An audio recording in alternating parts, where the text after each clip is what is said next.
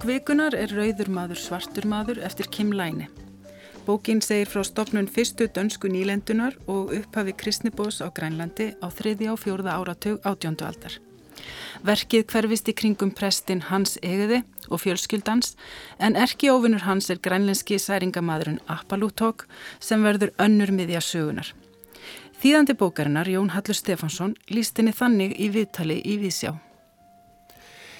Eða er komið til landsins fyrir algjörðan miskilling, eða einlega algjörðan miskilling því að hann ætlar að um, finna norrana menn sem hann held, held að hefðu flutt frá vestuströndinu í rauðsuströndina og væri ennþá katholskir og hann vildi snúða hann frá katholskri villu trú til lúterskra trúar.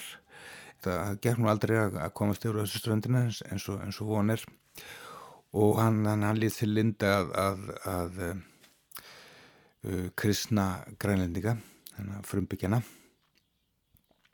og hann ergissi samt endalauðs á grænlendingum bæði kristnum og hefnum en enginn fer þó jafn mikið í töðunar á hann og, og særingamadurinn Apalúdok, Rauður sem er svo ósífun að þráast við að heimta svonsjón aftur úr tímabundu fósturi á egiði hjónunum en presturinn hefur sanns að tekið ásfóstur við drengin og vill ekki láta hann lausan. Alla þessar personur og marga fleiri taka til máls í þessari margráta sögum yfirgengilega atbyrðin sem Kim Læni segið frá með sínu gróteska raunsegi og síni makalösu stílgáð sem liftir svona botlösu klandri og, og, og skefilösu og ógeðsa fólks upp á aðra plan. Jón Hallur Stefánsson sagði hér frá bók Kim Læni, Rauðumadur, Svartumadur. Personur skáldsögunar eiga sér margar sögulegar fyrirmyndir og margir atbyrðinir áttu sér stað í raun og veru. En Læni tekur skýrt fram í eftirmála að hann takir sér fullt skáldalefi þótt hann hafi nýtt sögulegar heimildir. Gestir þátturins eru Jón Yngvi Jóhansson, bókmyndafræðingur og lektor á mentavísindasviði Háskóla Íslands og Runolfur Ágústsson, lögfræðingur og verkefnastjóri. Verið velkomnir. Takk, takk. Læni, hann er afskaplega vinsæl hér á landi, eins og í Danmörku. Fyrsta bókina sem kom út á íslensku, Spáminitnir í botleysufyrði, hún sló í gegn. Og þegar þessi nýjasta bók kom út í íslenski þýðingu í byrjun januar, þá var tróð fullt á útgáfihófinu sem var haldið í árbæðasafni. Kim Læni mætti og hann sagði frá bókinni og svaraði spurningum og það var laung beðruð til að fá áritanir. Hann er bara orðin eins og popstjárna. Já, já, hann er ekki reynilega að gera einhver rétt. Ég hérna Ég var reyna að velta þessu fyrir mér að það eru kominga af hverju þessar vinsættir stöfuð og ég var að rifja upp þegar ég las spáminina í fyrsta skipti þegar þeir voru lagðir fram til bókmyndavöluna Norrlandaráðs 2013 síðan, sem hann síðan fjekk.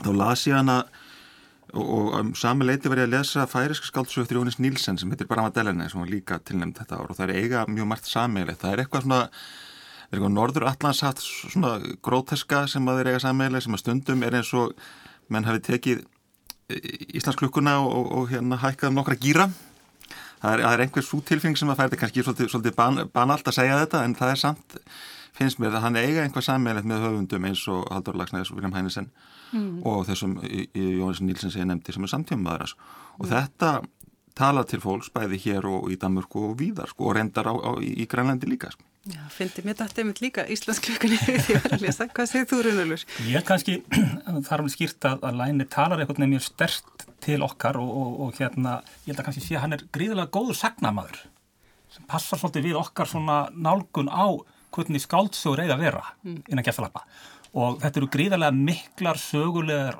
skáldsögur sem eru með mörgum personum og tengja saman á hverjum tímabil og, og menningar heima og áreifstra og, og, og ótrúlega fjölda fólki. Og þetta eru svakalega miklar sögur en hún er text með síni sagnamennsku og þetta síni svona síni raunsægi einhvern veginn að, að gera eitthvað sem að heilla mann. Hmm. ég veit ekki alveg, sko, get ekki kannski lístir eitt meira sem lesandi en bara en þegar Kala kom út og hafði hún gríðarlega áhrif á mig og mér fannst það einhver besta bók sem ég hef bara lesið í mörg ár. Já það var sjálfsæðu sögurnas og, og þessar skáldsögur tvær sem eru um sig miklu hlemmar og svakalega miklar sögur það, er, það eru alveg í sjálfum sér svona kannski svolítið aftur hvar til þessara stóru miklu skáldsagnar, sögulegu skáldsagnar, ég veit það ekki en þetta er, þetta er, hann hittir í mark. Já. Það má kannski bæta við þetta að, að sko höfundar eins og læni, hann er ekki einn kannski en mjög mikið af dönskum samtímabókmyndum er, er ólíkt þessu þar sem frásögnin er í kannski öðru sæti og, og tungumálið formið í því fyrsta. Mm. Það hefur lengi verið þannig. en svo hafa komið svona sagnamenn, menn þetta, þetta hughaufundir eins og Jakob Ægersbú og, og Kristján Jungersen sem hafa einmitt sleiði gegn og uppfyllt einhverja þörf hjá dönskum lesendum fyrir einmitt stórar frásagnir um Afríku þrjuleik Jakob Ægersbú segi, sem að koma út á íslensku fyrir nokkur árum síðan til dæmis. Mm og það er líka þetta framandi slóður sko, Afrika, Grænland, það, það hefur ennþá aðrættarafl. Einmitt og hann er náttúrulega að tala um það að þetta er hans Afrika. Já, já, hann vildi fara að verða Karin Blix sem var ekki? Jú, einmitt. Já, já, sem er tengist ægisbú líka Já. Þetta eru náttúrulega, að, að því þetta eru líka svolítið erfiðar sögur í lestri að því þær eru afsköplega, þær eru gróteskar, þær eru líka ofbeldisfullar, þær eru kaldranarlegar. Ég allavegna, sko, ég hef komin halvulega inn í þessa sögu og hugsa að ég verður engin ljósklæta í þessari bók sem kom nú reyndar aðeins síðan setna. En það getur verið reyndaðins á lesenda en, en við elskum þetta samt. Það er einhvern undarleg samblanda grind og dýr, dýrstleika mannana og fegurð og þetta er, þetta er svolítið miklu töfrarísu. Já. Og maður ætlaði að maður lesa sko bæði Kalak sem hann endi náðan og Túnú sko en önnur skáldsið eftir hann að þá sér maður náttúrulega að hans reynsla sem hjúkunarfræðings á Grænlandi og hann hefur sagt það sjálfur sko hefur áhrif á það hvernig hann skrifar bara sér reynsla að vera sko mentaður hjókunarfræðingur sem oftast starfaðinu sem halgjörður læknir fór langt yfir, út fyrir sitt verksvið sko, mm. að hann upp, hans veruleiki var lengi svo, svo líkamlegur hreinlega og, það, það og kannski, brútal já, brútal, já, heldur betur sko. mm. uh, Já, eins og hefur komið fram þá hefur Læni skrifað nokkra bækur sem gerast á Grænlandi og þessi sjálfsæfi sögulega heiti Kalag en þessi bók, Rauðumæður svartumar þetta er önnur bókin í þríleik sem fjallar um samband nýlendu herra við nýlenduna og fyrsta bókin var Spáminutnir í Botlisifyrði. Þar fáum við kristnibóðan Morten Falk, hann er á Grænlandi undir lok 18. aldar og upphafi 19. aldar. Og þriðja bókin, hún á svo að fjallum leiðangur dansk sjóleisfóringa Gustafs Holm sem leitaði Östurbygðinni, svo kalluði, á 19. aldar og hann var þarna með báta innfættara sem rói var á konum en leitaði svona eins og maður segir langt yfir skamt því að hann var að leita á östuströndinni en, en byggðin var vist á Suðugrænlandi en uh, hvað finnst ykkur svona um þetta verkefni að taka alveg þessar þrjár stórar bækur, ég gerur áfyrir að þriðabókin verður stór líka uh, og fjalla svona ítalega um þetta samskipti nýlenduherra og nýlendubú á Grænlandi í skáldskap? Sko þetta er náttúrulega magna verkefni, þetta eru frábæra bækur.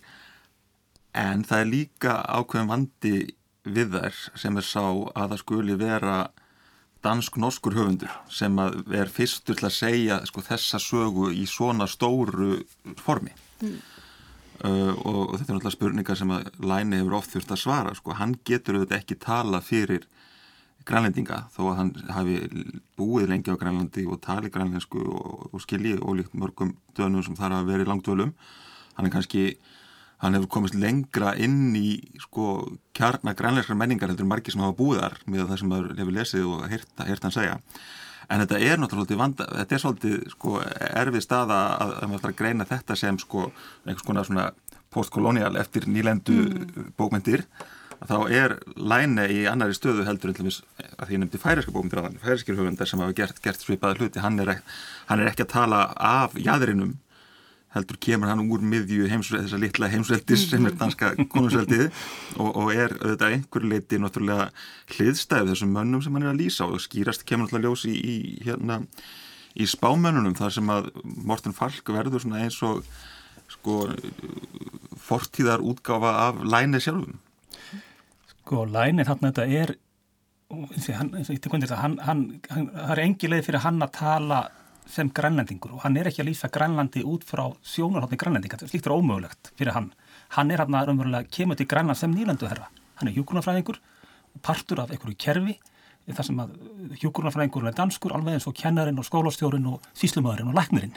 Mm. Og þetta er svona, þannig fer hann inn í þetta samfélag og það er rétt, ég tek undir það, þetta er, þetta er gríðarlega vel gert hjá hann, en hann er, hann sín hlítur að markast af þessu mm. og það kom líka fram í ágættu viðtali núna bara nýju í killíunni þar sem hann var spurður um sjálfstæði grænendinga þá kom einfallega þessi sín fram þar að segja að hann svæði bara basically um þetta það sem hann saði var efnistega var það að, að danir hefði, grænendingar hefði ekki þroska til þess að ráða eigin málum sjálfur mm. þrátt til að mikill meira hluti grænensku þjóðurinn vildi slíkt þeim er ekki dreifstandi í utryggismálum, þeir getur bara að fara að dadra við kínverið að rúsa mm. og þeir þyrstu á, á dönum að halda og þetta er auðvitað viðhór sem er til dæmis e, fyrirverandi nýlöndu veldi eða fulltrúar þeirra getur aldrei líst um skapnast Afrikuríkjum Þetta er svolítið sláandi. Já, það getur alltaf ekki lengur. Nei, ég segi það.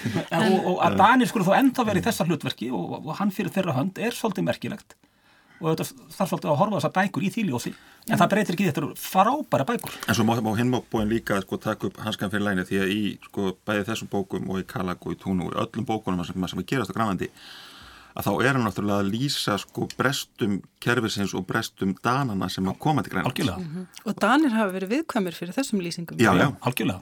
Það, það, það er alveg, alveg og, og, og hérna, það, það er alveg ljóst að og hann hefur tekið svolítið sko glansmyndina af, af hans egiði sem hefur mm. verið mjög jákvæðum skoðar bara danska sko sögu hinga til og en þá er nú þessi risastóra stitta af honum í núk sko að hann tekur þennan mann sem hefur verið áleitin svona eitthvað svona faðir Grænlands mm. eða uh, postul í Grænlands og, og, og afbyggir þessa, þessa helgimynda á hann sko.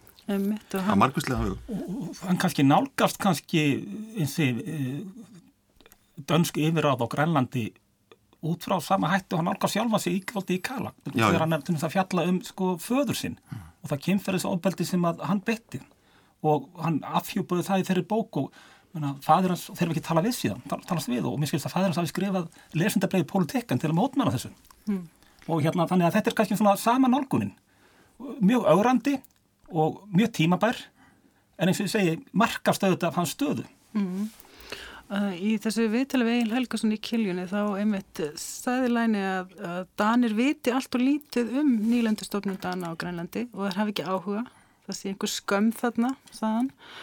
Og hann lítur út af sem einhvers konar uppeldisverkefni svona, kannski draga fram hversu e, það, hann segir, hann segir sko, jú, þeir voru kannski mildir herrar en þeir voru samt herrar og það hefur sínar afleðingar Já, það er bara almennt þá eru hérna, Danir mjög illa meðvitaðir um sögu sem nýlendu veldis hvort sem það er á Grænlandi e, hjálendan á Íslandi vestur Indjurnar, e, Sansibar Eh, hvað, hvað þessar nýlendur héttu allar sko, ég, mér er mjög minnist að þeir kom í Háskólinu Kaupmanna hösti 1999 og fór einhvað að spyrja út í svona nýlendu stefnu postkolonialisma og það átum sagt já það eru það er í ennsku deildinni. Og hérna eh, það átti ekkert heima í norrannu deildinni að því að mér var sagt.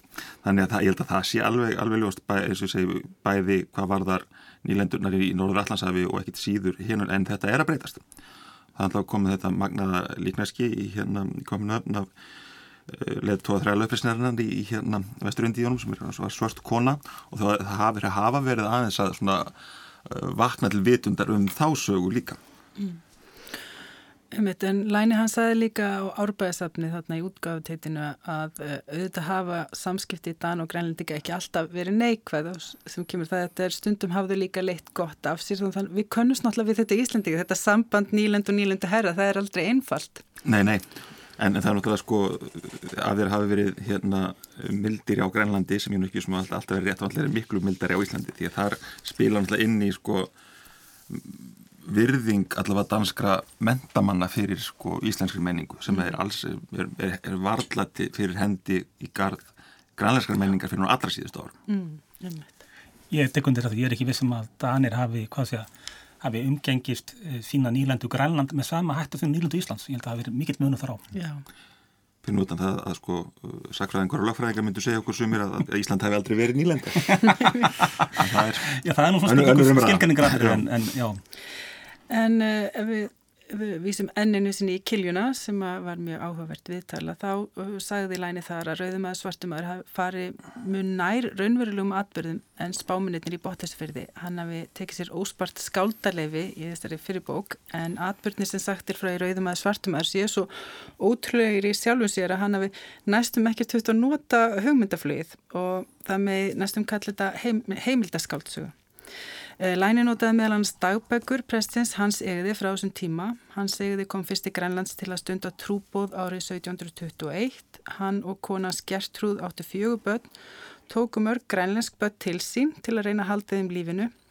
Og þessi bók Læni er svona risastór en henn er líka skiptnir í hluta og það eru þrý hlutar og ingangsorð og nýðurlag og í inganginum þá segir grænlenski særingamæðurinn eh, frá því hvernig presturinn tekur sonans pappa undir sinn vendarvæng en skilar honum aldrei aftur. Hann gefur honum danstanapn Fríðrik Kristján og í kjölfari verðaðir presturinn og sæningamæðurinn eins konar erki ofinir. Við skulum heyra kaplan það sem segir frá þessu upphafi tókstreitunar. Það gerist árið 1724.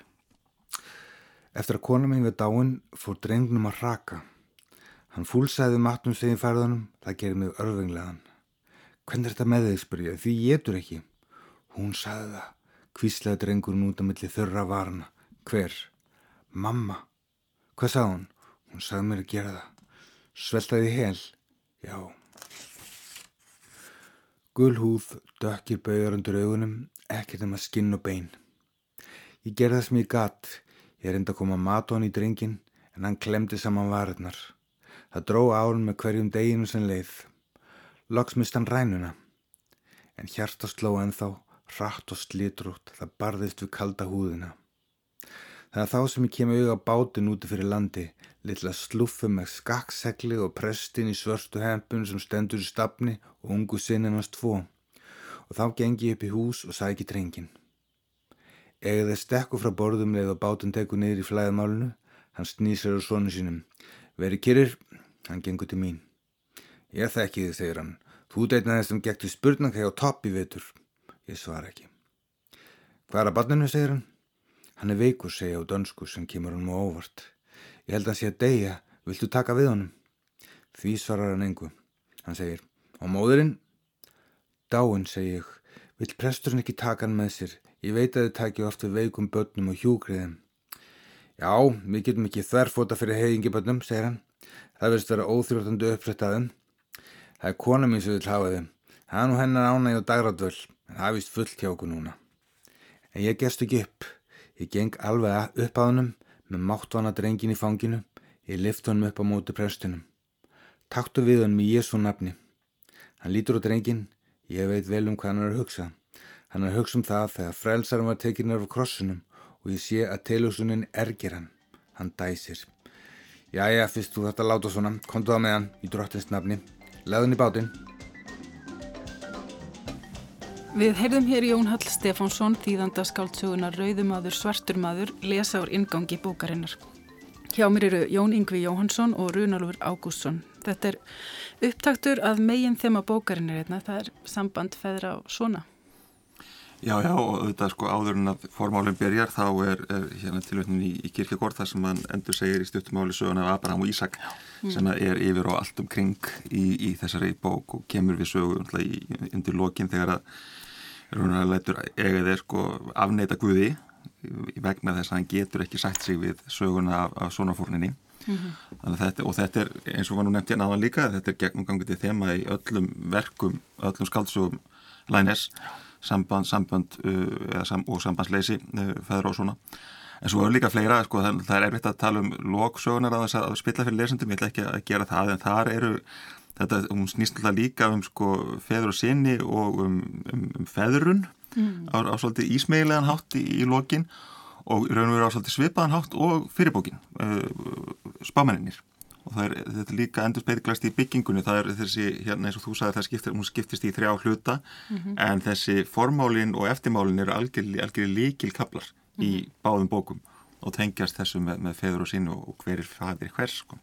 Já, Já, þetta er alveg rétt að hérna, þetta er svona ákveðin þungamiðja í þessum bókum og maður sér auðvitað líka alveg eins og þessi átakasaga þarna feður og svona hér og, og svona, hvernig þetta einhvern veginn kristall allt og fellur saman, það er ákveðin vísum líka eins og í hans sjálfsæfisugum og maður sér held ég í þessum bókum, þessum skáldsögum, þessum miklu skáldsögum tveim sem að hérna hafa komið út þessum grænlandsögum hans sem sögulu, þá er auðvitað eh, hann hefur, hvað sé, tekið út þroska sem einstaklingur eh, þegar hann vald á Grænlandi og einhvern veginn allt sem hann skrifa sprettur þaðan og þessi áhrifavaldar sem hann er að lýsa í þinni sjálfsæfisögu eins og sambandi við föður hans og þessi átök feðra og svona svona einhvern veginn kynslu fram að kynslu sem að velta svolítið áfram og endur taka sig einhvern veginn alltaf mm. þetta er auðvitað bara mjög merkilegt og ég held að höfðið minnst til okkar sko feðra og svona í, sem að lesa með þessa bækur mm.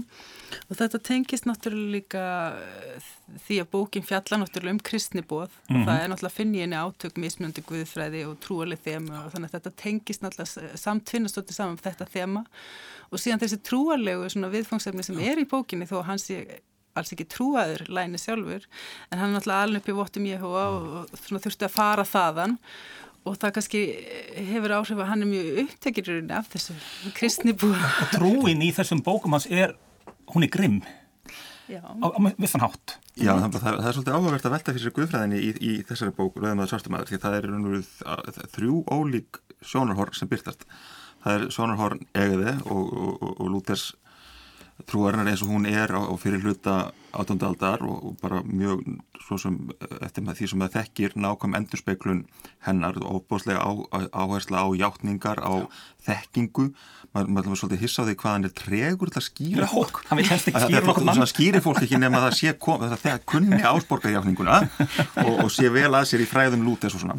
Svo er það herrnhútanir sem eru svona sem er sérkennlugur trúflokkur því þeir eru í aðraröndina sko gladir og frjálsendir og hinaröndina stunda sko sjálfspíslir og refsingar og, og svo frá því og svo er það þriðasjónarhornið sem er Apollo sem er náttúrulega sko galdramadur og sér allt og veit allt, hann með að segja þegar hann er að tala við hérna konu egaði á, á dánarbyðinu og er að segja henni hvað er að gerast í heiminum þá er hann búin að uppgöta Plútó langt og undan öllum stjörnufræðingum heimsins en hann er líka mjög vel að sér í guðfræði og hann er svona eins og hérna einhvers konar nýguðfræðingur sko, svona mildur og, og, og hann, hans sko skilur í raun og veru eitt af því sem hann skilur einhverjum sko svona döluföldum skilningi er hvers vegna egaði næri ekki betur til fólks og það er vegna þess að, að hans, hans guðfræði er svo hörð og er svo grimm. En Aplutók sjálfur verðist hafa einhvern veginn að mildari útgáfi af kristindómnum Einmitt. Það er náttúrulega, sko, Apollotók er notað sem sögumæður þarna í upphafi mm. og svo svona eitthvað áfram. Það og mér fannst að bæta mjög skemmtilegri við, við söguna, hann náttúrulega eins og segir sem særingamæður, þá getur hann farið út úr líkamannum og ferðast, hann ferðast í tungsinsteð eða lengra einmitt og, og hann finnir á hafsbótn og hann getur setið í svefnarbyggi danska kongsins og, og fylgst með því hvernig honu líður og, og hérna, og Læn hefur náttúrulega sagt að þetta sé svona tilvali sjónarhátt til að nota sem höfundur. En eh, hérna þessi sögumæður, hvað fannst eitthvað svona um það að nota náttúrulega gefur svolítið sko, segi, það að vera með sögupersonu sem er óháð tíma og rúmi það auðvitað gefur ákveðina sveiju og sjónrátt allstar af veginn og nýtir svolítið þetta saman, myndir mig svolítið á nafnið þau rauður það sem að sko söguheitin bregða sér í alls konar, alls konar líki. Mm. og menna hann, segi, hann, er, hann er í Svettenbergi hérna konungsins sem eitthvað bara inn í einhverju litlu sem lítið skurð líknarski grannlænst og, og fer út um allt og einhvern veginn veit allt og og gefur miklar upplýsingar með þessum hætti inn í söguna. Já. En það er líka mjög slíka mjög snjált ef við hugsa um sko frásamlega fyrir sögunar þá held ég að hún hefði orðið svolítið eintón og þrúandi ef hann hefði haldið þessari frásamlega aðferð mm. út alla söguna en það er mjög langt frá því hann gerir það þessi, Já. hún er mjög margrata og, og hérna sérstaklega þegar líður á þá er maður aldrei viss um það hver talar það eru ymsir sem fá sko svona sína rödd í segni hlutanum það er til dæmis Gertrúd, eiginkona mm -hmm. eða það fær svona stuttan kabla þar sem hún gerir upp sitt líf og Já. sér hluti frá sjónarhorni, sínu sjónarhorni sem við kannski séð frá sjónarhorni annara áður Já. það fann maður loksist að sjá hennar sjónarhorni maður mm -hmm. séðan utanfrá, það er mjög áhugaverð og svona ung kona sem heitir Katarína líka í mókin mm -hmm. sem kemur inn svona óvænt sko með fyrstu personu frásögn þannig að hér, hann, þó, þó að hann hafi fundið upp þennan eh, sko Ablutok sem sko sögumann og, og, og hérna sjónbeini eins og þetta er í mm. frásnarfræðinni að þá vilar heldur ekkert fyrir sér að víkja frá því og, og hérna nota aðra personur sem sjónbeina og sem jáfnvel sögumenn. Sko ég saknaði þess svolítið þegar hann hætti að nota hann, mér fannst þetta svolítið skemmtilegt en mm. ég fór að hugsa um það eftir og það hefði mitt kannski verið of mikið, þetta er svo stór saga mm. að þú verður eiginlega að fá fleiri sjónarhóttna og líka næri við svo uh, og það er eitt af styrklegum þessara bókar hvernig hún tekst eitthvað að líma þetta allt saman í eina held það er að segja öll þessi mismunandi sjónarhóttn og þessar gríðarlega mörgu personur hmm. og þetta verður samt þú veist alltaf nánast sem ég segi sko þú heldur þræði og þú heldur hugsuninni og þetta er, þetta er ein held og mjög vel gert. Já, um þetta Ég var aðeins að tala áðan um uh, kristnibóðið og, og trúna og ég hérna, sko mér fannst það náttúrulega ekki draga upp allslæma mynd af trúni, ég minna þetta er mjög harkalega lýsing og þannig að það er eins og þegar hann er að lýsa þarna hernhúturum til dæmis, mm -hmm. það er mhm. svona jákvæða hlýðar á uh, þessu líka, það er kannski og nánast komiskar Já, það er mjög komiskar í rauninni þannig að það er sjálfspíslir og, og, það, og það kemur líka svolítið óvart. Maður hefur kannski fengið svona mjög fallega mynd af þeim hvernig þeir eru vinarleir og svo allt í einu byrjaði þeir að refsa hverju öðrum og það verður svolítið áfall. En það er, það er ekkit svart hvít kannski í heimi Kims Lænis uh, og líka personinnar. Ég var að hugsa að það eru kannski ekki beint dæmdar, þeim er kannski líst miskunalöst en við getum ekki afgreitt þær einfallega sem... Þetta sé alveg rétt og hérna meira segja trúbóðin sem enn ekki mjög gethleik manneskja. Mm -mm. maður fær samt saman með honum og telur sig að einhver leti skilja og það eru þetta bara mjög vel gert hjá honum. Það er svona kannski fyrst og fremst manneskjur. Já. Já, já, og maður alltaf líka, það er alltaf, sko, Egið er náttúrulega mjög margliða persóna í, í bókinni og maður sér líka mjög skýrt, sko, að margir af göllum hans eru gallar sem má bara reykja til, sko, hans bakgrunns, tíðaranda og, og hérna þess, sko, þess forms af, af trúabröðum sem hann hefur tilengað sér. Höfum, og, og, og maður sér það líka á samanbyrðunum við sko, það er ekkert svart og hvitt sér, það er svart og raukt náttúrulega í þessari bók. Og maður, maður sér það á, á, á samanbyrðunum við sko, Ablutók, hinn hin rauða af því, hann, af því að hann er svona alvitur sko, hann, hérna, hann, veit, hann veit allt sem hefur gerst og hann getur farið hvert sem er. Þannig, og, og hann skilur kannski sko brestina í eigaði vegna þess að hann sér að þeir eru ekki bara personleika brestir, heldur brestir sem að fylgja tíðafarinu mm. hérna, og bara sko sér sögulegir. Og eigaði náttúrulega þarf að ganga í gegnum ymislegt og þróast sem person og hann fer, fer að evast um sína samfæringu líka og ja. það er svona margt sem að gerist í honum. Þannig er höfundur umverulega svolítið að spila saman þessum víða heimi særingamannsins og þessum þrönga heimi trúbúðans mm. og það er svolítið skemmtileg skemmtilega gert líka. Um, það er svona eitt af þessu sem er stemt já, saman. Já, þessi svona átök þessara margvíslu heima og hugmynda og, og allt slíkt. Um, ég sagði áðan að bókinn skiptist í þrjá hluta og fyrsti hlutin að segja frá því hvernig danski konungurinn Fredrik Fjóriði og önnur fyrirminn leggja á ráðinum nýlendubegð á Grænlandi og það sem stendur upp úr eftir lesturinn er hvað verkefnið er illa hugsað og óskipulagt frá upphafi og eins og Læni segir það endaði það hreinlega í mannlegum hörmungum þannig er þau verið að smala saman föngum og vændiskonum í kaupmannhöfn og senda þau nauðug til þessara nýlendu eftir að búið að gifta þau svona einhverju handahófi og, og því það eru auðvitað ekki auðvelt að fá mannskap til að bjóða sig sjálfviljón fram í svona verkefni og þetta er kannski svipað mjög að heyrtum upp af nýlendu byggðar í Ástralíu hvernig mm -hmm. fólki var svona smalaði skip og ferðin til Grænlands hún er náttúrulega einn samféltur hillingur og það tekur ekki betra við í öðrum hlutabókarinnar í nýlendu byggðinni og þar, þar finnst manni bara að tekna slæmar ákvarðanir. Fólk bara deyr úr vósbúð og vannrækslu og vannaringu bara einhverju hugsunarleysi líka við. Að og svona til að bæta gráin og svart þá fyrir læknir nýlendunar um og hann er ekki bara að taka fólki blóð heldur er hann sko að gera alls konar tilraunum og blindar fólk og dregur úr því alla tennurnar. Þetta er nú alveg svakalega lýsingar. Hvað finnst ykkur svona um þetta lýsingarna svona yfir höfu það sko, eru mjög nákvæmar Það er mjög grótiskar en ég, ég ímynda mér að þetta sé eitt af því sem að, sem að læni byggir bara á sko heimildum Maður, hef, hefur á tilfinningunni hans sérumlega að lýsa viðhorfi yfirstjætturinnar í Danmörk á þessum tíma til almúans. Mm. Mannslíf voru einfallega einskins metin. Mm. Þetta fólk var bara tekið og fluttið eins og hverjunu dýr þarna úti og áttu svo bara makast og fjölga sér, fyllir blandið mm. og það bara hundum svo flugur og dóa. Og það var bara fórnarkost? Já, og öllum alveg sama. -hmm. Uh, og einmitt að stemar heldur að segja svona þess að rofa til í þessari nýlendu byggð þá kemur bólusótt mm. frá Danmörsku það með, hérna, og það bara þurkar bara út næstum alla innfæta á sveðinu þannig að hérna að hann sagði læni í útgáðuteitinu að hann vildi að fólk svona fyndi fyrir líkamlegum áhrifum við lestur og bókum sínum. Að finna nú fyrir því, hann notar svolítið þetta uh, lýsingar á svona líkamlegum hörmungum Já, já, já, manni verður svona næstu því flögur sko. Þetta, og, og svona með, þetta með bólusóttina það er líka svona tákgræn viti því sko því hún kemur með grænleinskum strák sem hefur, hefur sko dvalið í köpmanöðum, kemur tilbaka og er orðin og þetta er persóna sem við þekkjum mjög vel úr alls konar öðrum nýlendubókmyndum mm -hmm. sko. Mhm. hann er orðin eitthvað sko svona eh, blendingi og skrýpamynd, hann er horki danskur, mm -hmm. nýja grænleinskur og, og svo er það hann sem að ber með sér sjúkdóminn mm. mitt. Um, Svo er þriði hlutin, hann heitir Feður og Seinir og það er meðal annars fjallaði mýmis um uppgjör Feður og svona en mér langaði líka aðeins að bara vikja að hvern personum bókarinu við höfum minnst á gert trúð en við erum líka með Jónfrú Títíu sem kemur skipinu, mm -hmm. við erum með tvær dætur hans egði fyrst um börn og svo unglinga.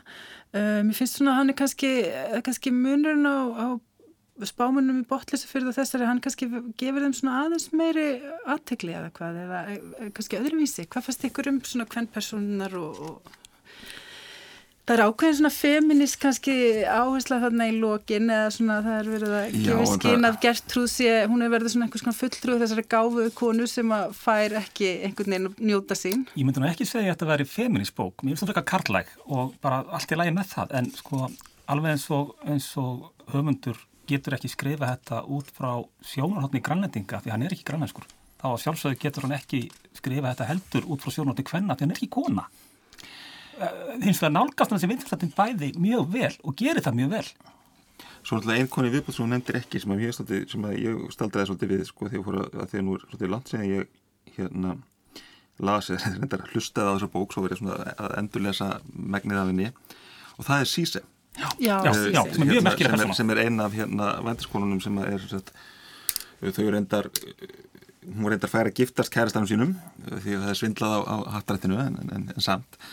Uh, hún verður svolítið eftirminnileg í senni hlutanum mm -hmm. því að bæði að því að þau eru náttúrulega eina fólki sem að lifi þannig af en það er líka þetta sem að Rúnur var að segja áðan með sko að segja, þannig sem verið að lýsa meðferðin á almúanum því að þegar að þau hafa lifað af, þau eru komin í öruð skjóli á hernútonum og, og reyndar fyrr, þá vill hún ekkert fara tilbaka. Þannig að þó að Grænland sé slæmt, þá er köpnum þó verri. Mm. Og það, það að vera, sem, sem að segja mann einhvað um sko, við erum búin að tala aðeins um, um sko Karl og konur og nýlendu hérna, veldi og nýlendur, nýlendur en svo náttúrulega er líka einmitt stjætta uh, sjónarhór þarna en með Gertrúd, mér fannst sko svolítið, kannski ljósturum því upp að hún er svona laumu mentuð kona og, og vel skrifandi sem, og kemur skemmtilegi ljós í þessum eina kabla sem að er sko lagður henni í munn. Mm.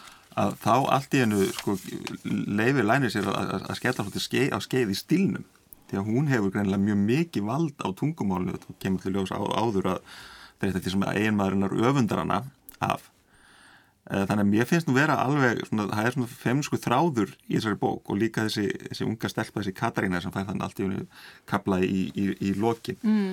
og, og ég er alveg samanlega með það að það er meira í þessari bók heldur en í Sko það var eins og verið kannski meiri sko. fórnarlamp þessi mm. kona sem var svona þar í aðalluturki mm. Já Eh, þarna er svona aðeins verið kannski meira að eh, sjá, reyna að hann fá þeirra sjónarhóttnin og svona gera þeirra meiri, hvað veist ég, að hafa meiri valdið við sínu lífi. Já, Gertrúd er reynist að hafa verið meiri gerandi í sínu lífi heldur en, heldur en maðurinn er veita. En, en konundinu þessar bók, þessari bók er nú sko ekki miklu gerendur Nei. Ekki aðra en hún, nei. Nei, Síse, hún ánótt, hún er með þennan, Þetta eru. Já, já. Smaðurinnar og þeirra sambandi er náttúrulega kannski að vissuleiti einhvers konar, eh, hvað sé, ájafnbryttis grundvöldu eitthvað, því hún gerir ákveðin, hún er með ákveðin skilir því þeirra sambandi sem eru kannski svolítið sérstök en það verðist virka sem einhvers konar grunnur já. og þau verður kannski þau eina af þeim sem fengum þessu veselinsfólki sem flytuna sem svona ná að fóta sig þarna eða ná einhvers konar lífi þarna. Já, og svo náttúrulega sko uh, það er merkilegt að við vorum að tala um trúabröðin þann sko, hvernig þau frelsast. Því að svo frelsun er ekki bara trúaleg og nú skulum við allt aftur passa okkur að þið spill ekki reyndalegu lesendum bókarinnar.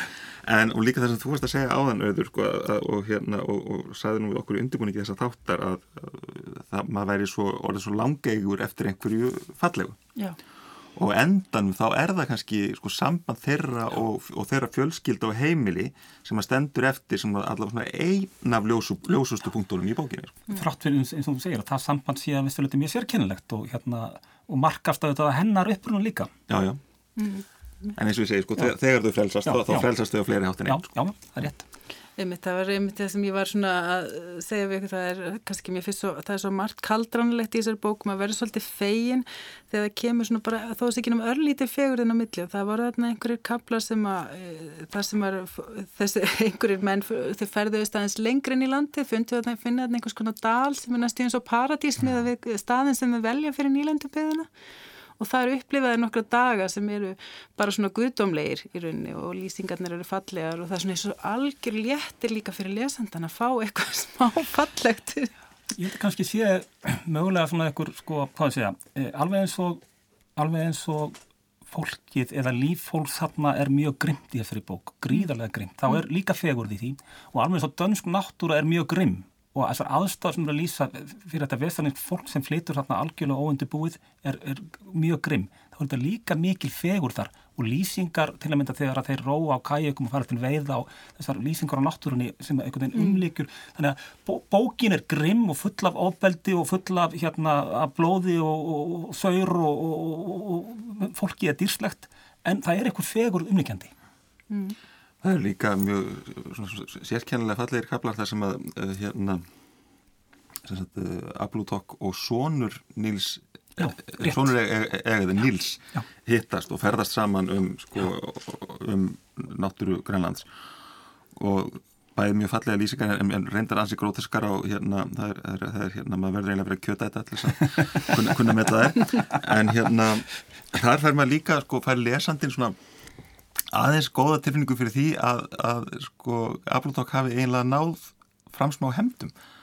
Hann hafi náð sko síni af egaði um, um stundarsækir já. að minnstakosti, að bæta upp fyrir sitt tap. sitt svona tap sko.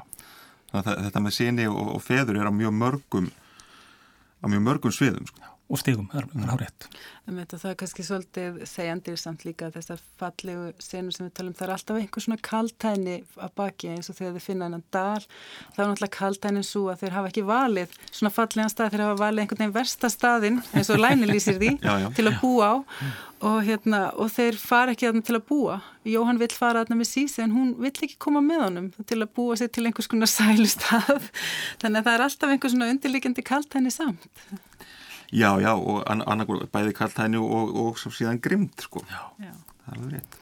Einmitt. Um, en uh, þetta verkefni kemlaina, Lísa sambandi Dan og Grænlendinga, það er auðvitað persónlegt því að hann hefur sjálfur upplifiðan men menningar árakstur sem verður þegar Dan er komið til Grænlands og hann uh, orðar það þannig að tveir heimar mætast og báðir standa svona breytir eftir. Finnst ykkur uh, svona þetta vera að takast hjá hann um að lýsa því svona svolítið, hva, hversu hversu flókið þetta getur verið? Já, verkefni sem er kannski eftir er að, er að sína okkur hvernig sko, hinn danski heimur stendur breytur eftir. Já. Við sjáum kannski ekki mjög mikið af því sko. Það er rétt. Hérna, við sjáum, all, við sjáum allar breytingarnar í, við sáum það meira en það byrði fyrirbókinni sko, þá, þá var meira, meira í köpunöfn, magnaða, magnaða senur mm. þar sko. Mjög magnaðar. Uh, það er svolítið form, ég er svolítið form til að sjá, forðin að sjá hvað hann gerir í, í þriðubókinni sko, mm. hvort að við fáum að sjá meira sko þau áhrif sem að Grænland og, og, og það að Grænland er hluti danska konungdæmisins hefur haft á eh, sko, danska menningu og hérna í, í viðum skilningi því að þau, auðvitað eru þau áhrif alveg fyrir hendi. Hvað segir þú Rúnar, er þú líka spöndur? Ég er spöndur, já, já. Ég, hérna, eh, og eins og segja að, að hérna, þessar bækur eru mögnuskaldverk og svona þessi höfundur er klárlega eitt þá, þá stærsti sem hefur komið fram á, á Norrlöndum sko, á síðustu árum og, og, og mjög vaksandi höfundur. Og einhvern veginn þetta er allt svo áhugavert þessi, þessi menningar árastrar og sko, Grænlandu þetta er bara mjög spennandi land og maður upplifið það mjög stert í gegnum þessa bækur. Mitt hér líkur umfjöllunum bókvíkunar Rauðumæður svartumæður eftir Kim Læni í þýðingu Jóns Hals Stefánssonar. Gesti þáttarins voru Jón Yngvi Jóhansson og Runálfur Ágússon. Takk fyrir ykkar innlegg. Á heimasíðu þáttarins rú.is skástrygg bókvíkunar má áfram finna upplestra og viðtöl sem tengjast bókvíkunar. Verið sæl.